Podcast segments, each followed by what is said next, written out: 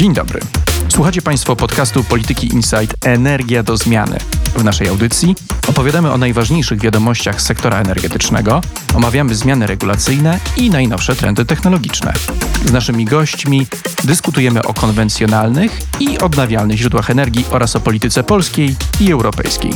Mierzymy się też z tematem zmian klimatycznych i tego, jak wpłyną one na nasze życie. Nazywam się Robert Tomaszewski i zapraszam na dzisiejszą audycję. Dominik Brodacki oraz Dominik Sipiński, analitycy polityki Insight, są gośćmi podcastu Energia do Zmiany. Dzień dobry, cześć. Dzień dobry. Dzień dobry. Napisaliście taki raport pod tytułem Rynek autobusów CNG w komunikacji publicznej w Polsce. Zakładam, że większość ze słuchaczy wie, czym jest CNG, czym jest gaz ziemny, ale czy tak tytułem wprowadzenia moglibyśmy jakoś opowiedzieć trochę o tym rynku, czy tych autobusów jest w Polsce dużo, czy niedużo, czy wśród tych, które są nowo kupowane, nowo rejestrowane z kolei ten ich udział jest duży tak naprawdę? I pytanie też, dlaczego w ogóle zakłady komunikacji miejskiej w różnych polskich miastach decydują się akurat na to rozwiązanie.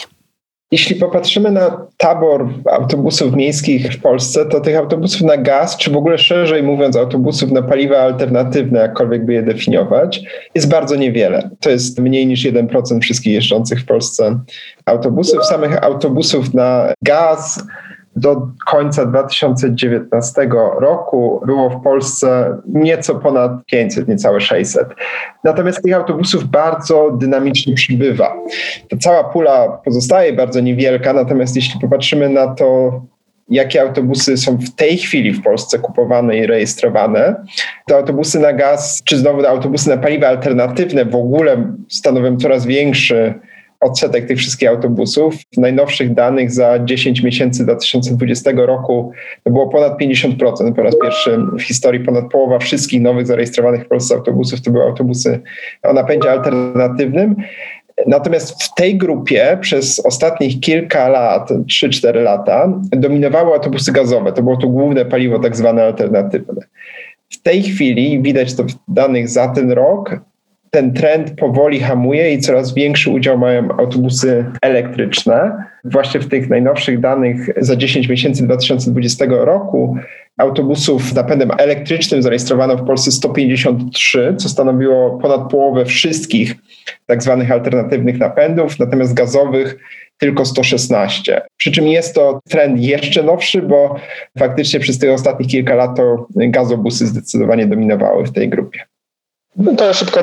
To tak naprawdę ten trend, o którym mówił Dominik, wynika poniekąd z polityki rządu, który przez ostatnie lata usilnie wspierał rozwój gazomobilności i w ogóle polityki gazowej, inwestując w nowe gazociągi. Także to, co się teraz dzieje, przymierzając się do budowy nowych gazociągów e, importowych, dzięki któremu na polskim rynku będzie dostępna jeszcze większa ilość surowca. I to poniekąd wynikało i wynika nadal z, takiego podejścia, że gaz ma być tym paliwem przejściowym w procesie transformacji polskiej gospodarki, w tym transportu i z takiego już abstrahując od tego, czy słusznego, czy błędnego założenia, o czym pewnie zaraz będziemy mówić, ale z takiego przeświadczenia, że nie jesteśmy jeszcze gotowi na to, żeby przejść bezpośrednio na transport z transportu spalinowego na transport elektryczny, więc wymyślono, że będziemy pośrednio przechodzić przez ten etap gazowy.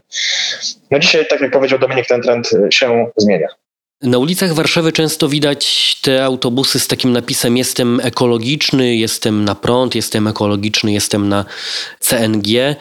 Czy te gazowe autobusy napędzane gazem ziemnym, czy one są faktycznie bardziej ekologiczne od tych takich klasycznych silników diesla, bo wiemy, że tam w tej dziedzinie też się jakiś postęp dokonał w ostatnich latach. Tutaj mamy do czynienia z olbrzymim pomieszaniem metodologicznym, tak naprawdę, bo zdecydowana większość dostępnych opracowań, zwłaszcza tych, które są często nagłaśniane w komunikatach prasowych czy w jakichś opracowaniach PR-owskich, porównują autobusy na gaz, nowe, nowo kupowane, z tymi autobusami, które w miastach były wcześniej. I wniosek z tych porównań jest taki, że autobusy na gaz są znacznie mniej emisyjne niż autobusy jeżdżące po miastach. Tylko, że to jest wniosek, który tak naprawdę sprowadza się do tego, że nowy autobus jest lepszy niż stary autobus. Jeśli porównamy autobusy z tej samej generacji, z najnowszej generacji Euro 6 na gaz i z silnikiem dieslowskim, to emisje tych dwóch rodzajów napędów nie różnią się jakoś fundamentalnie. Znaczy różnią się bardzo mocno pod względem emisji tlenków azotu, które faktycznie autobusy na gaz praktycznie nie emitują. Natomiast pod względem emisji tlenku węgla, pod względem emisji cząstek stałych, te różnice są niewielkie, a nawet czasami na korzyść autobusów z napędem dieslowskim. Dlatego jeśli dokonamy tych porównań rzetelnych, no to wychodzi, że autobusy gazowe tak naprawdę przynoszą bardzo niewielkie korzyści ekologiczne w porównaniu do autobusów, no nie tylko elektrycznych, ale nawet do tych najnowszych autobusów dieslowskich. Okej, okay, no i teraz jeszcze dochodzi pytanie o koszty, prawda? Bo z jednej strony mamy tutaj taką sytuację, w której Wiemy, że te autobusy diesla są dużo tańsze od autobusów elektrycznych, o których za chwilę pewnie będziemy mówić więcej. A jak wygląda sytuacja z autobusami napędzanymi na gaz ziemny? I tutaj też pamiętając z tyłu głowy, że to nie jest też tak, że podjeżdżamy na każdą stację benzynową i tankujemy taki autobus, prawda? Jeśli chodzi o koszty samych autobusów, to faktycznie autobusy na gaz i autobusy dieslowskie są mniej więcej porównywalne cenowo. Gazowe są nieco droższe, ale to jest około 10% średnio, więc można powiedzieć, że to jest mniej więcej taki sam poziom cenowy. Autobusy elektryczne są mniej więcej dwukrotnie droższe i to jest fakt. Natomiast dużym problemem tych wyliczeń jest niepatrzenie, co zresztą jest w ogóle problemem polskich inwestycji infrastrukturalnych w wielu aspektach, niepatrzenie na całkowity koszt użytkowania tych autobusów. Z bardzo wielu powodów, chociażby ze względu na ceny paliwa, Autobusy elektryczne w dłuższej perspektywie są po prostu tańsze. One się mniej psują, tam trzeba mniej wymieniać części. Te silniki są po prostu dużo prostsze przecież. No i do tego dochodzi koszt ukryty często, czyli koszt zanieczyszczeń. Tak jak już mówiliśmy, autobusy na gaz nie są autobusami zeroemisyjnymi i tak naprawdę no, można negocjować, czy w ogóle są niskoemisyjnymi. Autobusy elektryczne mogą być zeroemisyjne i e, jeśli policzymy koszty generowanego w ten sposób zanieczyszczenia, to się okazuje, że w perspektywie kilkunastu lat, a już na pewno w perspektywie całego życia danego autobusu, elektrobus jest po prostu tańszy. Natomiast oczywiście jest czynnik kosztu bieżącego czy wydatku bieżącego i tych autobusów elektrycznych w danym budżecie miasto w tej chwili kupi mniej i to jest fakt, z którym trudno dyskutować. No i pamiętajmy też o takim koszcie pierwotnym, nazwijmy to, którego go nie uwzględniamy w kosztach funkcjonowania transportu, to znaczy kosztów pozyskania paliwa przez dostawców tychże paliw. Zdecydowaną większość gazu Polska jest zmuszona importować jeszcze przez no, prawie dwa lata z Rosji po wysokich, co by nie powiedzieć, cenach. W dalszej przyszłości to oczywiście będzie import gazu skroplonego ze Stanów Zjednoczonych. Tutaj ceny surowca oczywiście nie są jawne, natomiast one wiemy, że będą indeksowane do cen rynkowych, a te przykładowo dzisiaj w przypadku gazu skroplonego są najwyższe w historii, co jest oczywiście związane z kryzysem ogólnoświatowym, ale to pokazuje, że te ceny są zmienne i one będą z całą pewnością fluktuować, a to z kolei przełoży się na zarówno koszt pozyskania paliwa na potrzeby transportu, jak i koszt paliwa dla odbiorców. I oczywiście koszt funkcjonowania autobusów.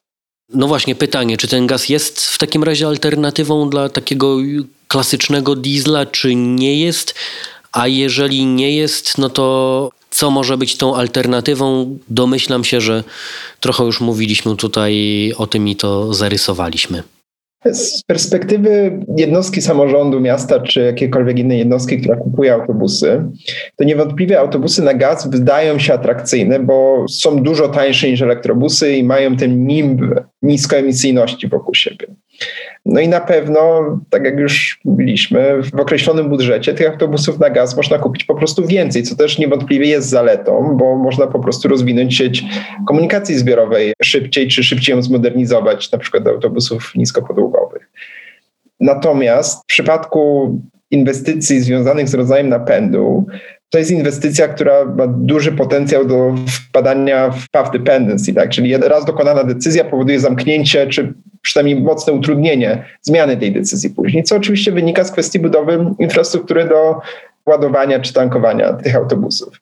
Miasto, zwłaszcza mniejsze miasto, które ma tych autobusów mniej, jeśli zainwestuje w tej chwili w stacje do tankowania gazem, które mogą kosztować nawet milion złotych, one są budowane najczęściej w zajezdniach, więc to nie jest ta publiczna sieć, natomiast one są drogie po prostu.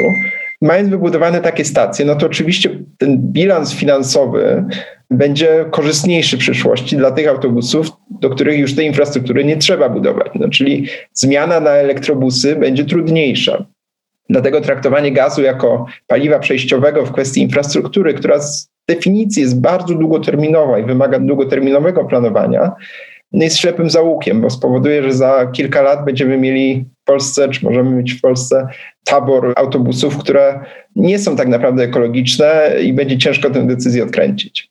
Ja się w pełni zgadzam z Dominikiem, natomiast rozgraniczyłbym jak gdyby dwa wątki. To znaczy, z jednej strony rzeczywiście dzisiaj masowe inwestycje miast w rozwój gazomobilności, czyli transportu wykorzystującego masowo gaz ziemny. No ja to odczytuję takie trochę zagranie na alibi, ale także pod y, przyzwoleniem państwa, bo z jednej strony samorządy muszą dostosować się do wymogów unijnych. Prawo Unii zobowiązuje samorządy do stopniowej wymiany floty na pojazdy niskoemisyjne, a z kolei w polskich przepisach jako paliwo niskoemisyjne jest wymieniany między innymi gaz, czyli nazwijmy to takim cichym, nawet legislacyjnym przyzwoleniem państwa. Te samorządy wywiązują się z, z, wymogów unijnych, ale robią to po prostu bardziej na alibi. Ja bym powiedział, że, żeby mieć spokój, żeby to ładnie wyglądało w materiałach promocyjnych, a nie żeby osiągnąć realny efekt w postaci zmniejszenia zanieczyszczeń, co zresztą widać po tym, że te zanieczyszczenia nie spadają. Natomiast tutaj rozważając kwestię napędów alternatywnych, oczywiście na pierwszą myśl przychodzi kwestia prądu. I o tym pewnie za chwilę będziemy więcej mówić, ale trzeba zwrócić uwagę, że to no nie jest taka prosta transformacja, że porzućmy samochody spalinowe na rzecz elektrycznych, dlatego że bez równoczesnego rozwoju produkcji prądu z odnawialnych źródeł energii doprowadzimy wyłącznie do tego, że te emisje, które dzisiaj są w samochodach na, na końcu rury wydechowej będą tak naprawdę większe, tylko że w elektrowniach węglowych.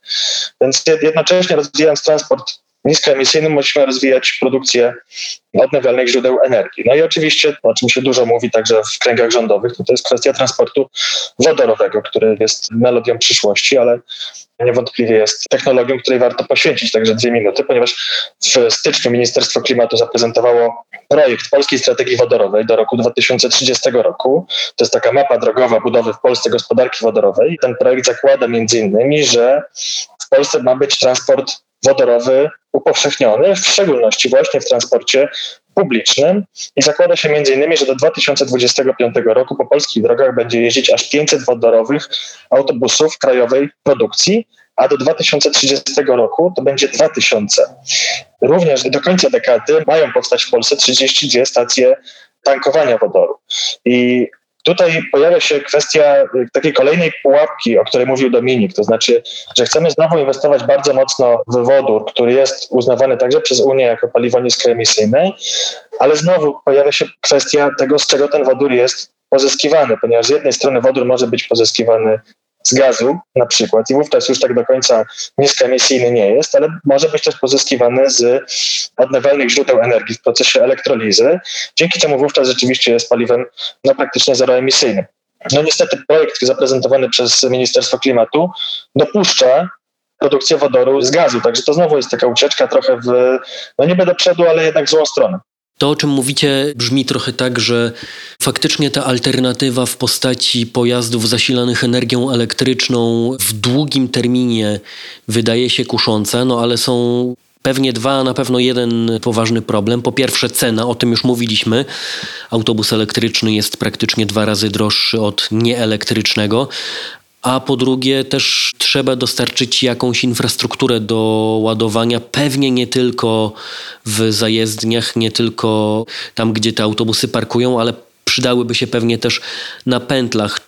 Czy ten rozwój jest możliwy, biorąc pod uwagę to, jak wysokie są ceny tych autobusów i jak wysokie nakłady trzeba ponieść? Czy wy widzicie taką szansę na to, że wraz z rozwojem technologii ona będzie tanieć, tak jak to miało miejsce do tej pory z innymi technologiami? Jeśli popatrzymy na technologię związaną z ładowaniem autobusów elektrycznych, no to ona nie jest jakoś niesamowicie skomplikowana. Tak naprawdę, no, czy budujemy stację ładowania, czy stację tankowania gazem, to nie jest jakaś istotnie inna różnica. Tak naprawdę w warunkach miejskich, na przykład na przystankach, pewnie dużo łatwiej technologicznie zamontować na przykład pętle indukcyjne pod przystankiem, które będą ten autobus na szybko w trakcie wysiadania, wsiadania pasażerów podładowywały chociaż trochę.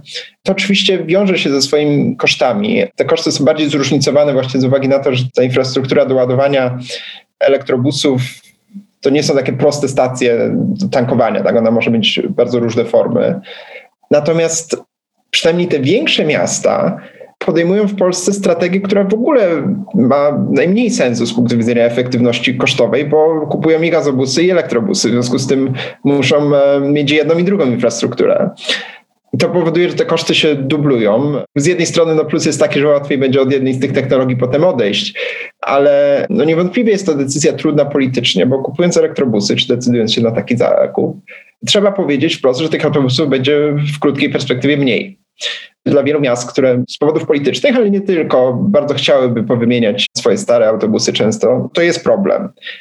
Dlatego warto właśnie rozmawiać o tych kosztach długoterminowych, bo to też pozwala miastom inaczej na ten problem, po pierwsze patrzeć, po drugie inaczej go komunikować, bo to też jest jednak przecież ważne. To jest inwestycja, którą mieszkańcy miast śledzą, bo tymi autobusami jeżdżą.